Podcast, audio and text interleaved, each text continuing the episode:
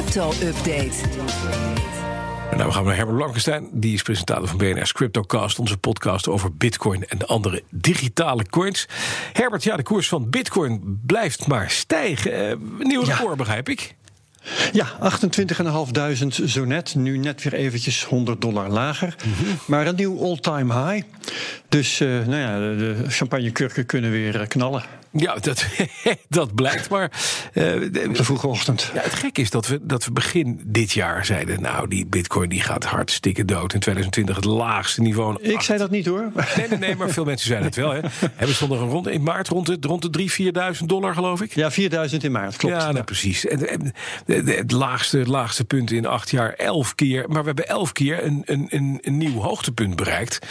Uh, ja, gisteren zei het al, John McAfee die verbond ooit de levensduur van zijn mannelijk geslachtsdeel aan uh, het bereiken van een, uh, van een bepaalde stand. 1 miljoen dit jaar. Die wensen wij smakelijk eten morgenavond. Maar toch, Precies. die opmars blijft maar gaan. Hè? Ja, die opmars die, die gaat door. Um, maar er zijn ook andere geluiden hoor. Er wordt nog regelmatig uh, wordt bitcoin doodverklaard. Ja. Dat, dat gaat ook gewoon door. Uh, en op de site Bitcoin Obituaries, daar wou ik het eens even over hebben. Ja. Um, daar verzamelen ze teksten uit de media dat bitcoin naar nul gaat. Dat het een piramidespel is. Dat het nooit wat kan worden. Instrument is voor criminelen. Ga zo maar door. Uh, in 2020 hadden ze elf nieuwe voorbeelden. En het grappige is, dat is een, nou nog net geen all-time low. Alleen in 2010, 2011 en 2012 hadden ze minder doodverklaringen van bitcoin mm. dan in 2020. Nou, uh, kun je afvragen, komt dat nou doordat uh, bitcoin nu net weer stevig van zich laat spreken? Dat is het waarschijnlijk juist niet. Want in een topjaar voor bitcoin, denk aan 2017, was er ook een piek in de doodverklaringen van bitcoin. Toen waren het er 124. Um, dus juist in zo'n topjaar uh, gaat het goed met de doodverklaringen. Ja. En in de jaren voor zo'n topjaar zijn altijd juist heel weinig. Weinig. Okay. Dus ik denk dat we over een jaar zullen zeggen... 2020 was ook zo'n jaar van stilte voor de storm... qua doodverklaringen. Ja, maar dat zou betekenen dus dat volgend jaar... De, dat we de pieken nog niet gezien hebben van de bitcoin. Um, nou, van uh, nee, dat sowieso niet. Nee, in 2021 uh, gaan we pieken van Bitcoin zien. En ook ja. pieken in het dissen van Bitcoin. Ja, is dat zo? Um, ja? Ja, ja, Want dan komen we inderdaad weer in het verhaal van rond de 124 in 2017. Ja, dan, ja. dan komen de haters weer uit hun holen. Ja. En ik heb er meteen al een paar voor je. Die horen dan eigenlijk nog in 2020. Maar die okay. komen duidelijk uit hun holen nu de koers weer explodeert. -huh. Ik heb Kevin O'Leary, een Canadese zakenman, tv-persoonlijkheid en politicus. Die zegt op CNBC: Bitcoin is irrelevant. Ik heb voor jou Nouriel Rubini, hoogleraar economie aan de New York University. Die zegt bij Yahoo Finance: Bitcoin is een zeepbel en staat op het punt van knappen.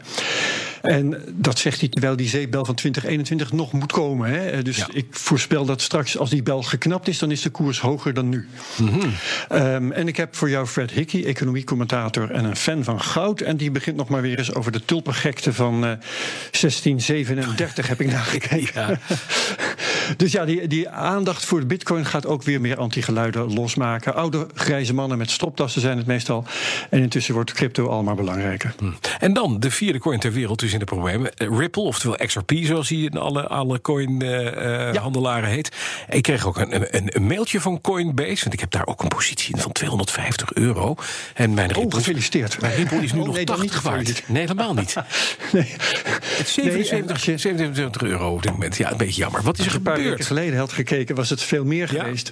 Um, ja, uh, die uh, was in november verdubbeld in prijs. En nu uh, begint de Securities and Exchange Commission in Amerika een rechtszaak tegen Ripple. Die zegt: met die coin van jullie handelen jullie eigenlijk in effecten. Dan oh. moet je een effectenbeurs zijn en met alle eisen van dien. Oh, en dat is, dat, ja. is, dus, dat is de reden dat de koers zo is gedaald? Precies, dan, dan uh, schrikt iedereen natuurlijk. Ja. Um, en dat niet alleen. Allerlei cryptobeurzen staken nu ook de handel in XRP. Ja. Omdat ze niet zeker meer weten of ze wel mogen handelen in die effecten. Dus je hebt Coinbase, OKCoin, Bitstamp, Crypto.com. De een na de andere die uh, grijpt in en zegt we gaan in januari ermee stoppen.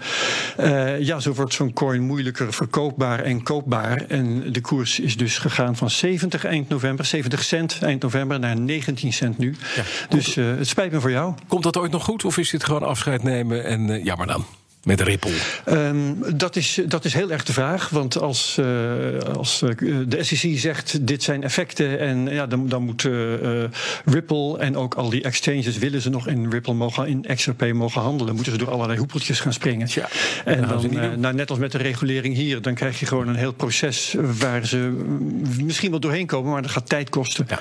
En nou, dan hebben ja. Mm Nou, Ripple is dus een, iets wat verhandeld moet worden op de, op de, op de beurs. Dan zou je kunnen zeggen, ja, Bitcoin, uh, uh, Stellar, uh, Bitcoin Cash ook uiteindelijk. Wat is allemaal op hetzelfde gebaseerd, of niet? Nou, dat is een goede vraag, maar uh, voor Bitcoin geldt dat zeker niet. Want Bitcoin is niet gecreëerd door een bedrijf, is niet op de markt oh, gebracht door een bedrijf. Um, Bitcoin is ook niet een verschijnsel waarvan uh, zo'n bedrijf een mooie voorraad coins voor zichzelf heeft gehouden, zoals Ripple heeft gedaan. Maar Stellar lijkt wel weer veel meer op Ripple.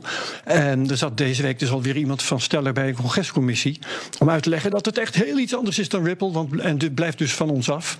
Maar ik uh, denk inderdaad dat een domino-effect onder de altcoins uh, niet uitgesloten is. Dus wordt zeker vervolgd. Zo. Dan, wat zit er deze week in de CryptoCast?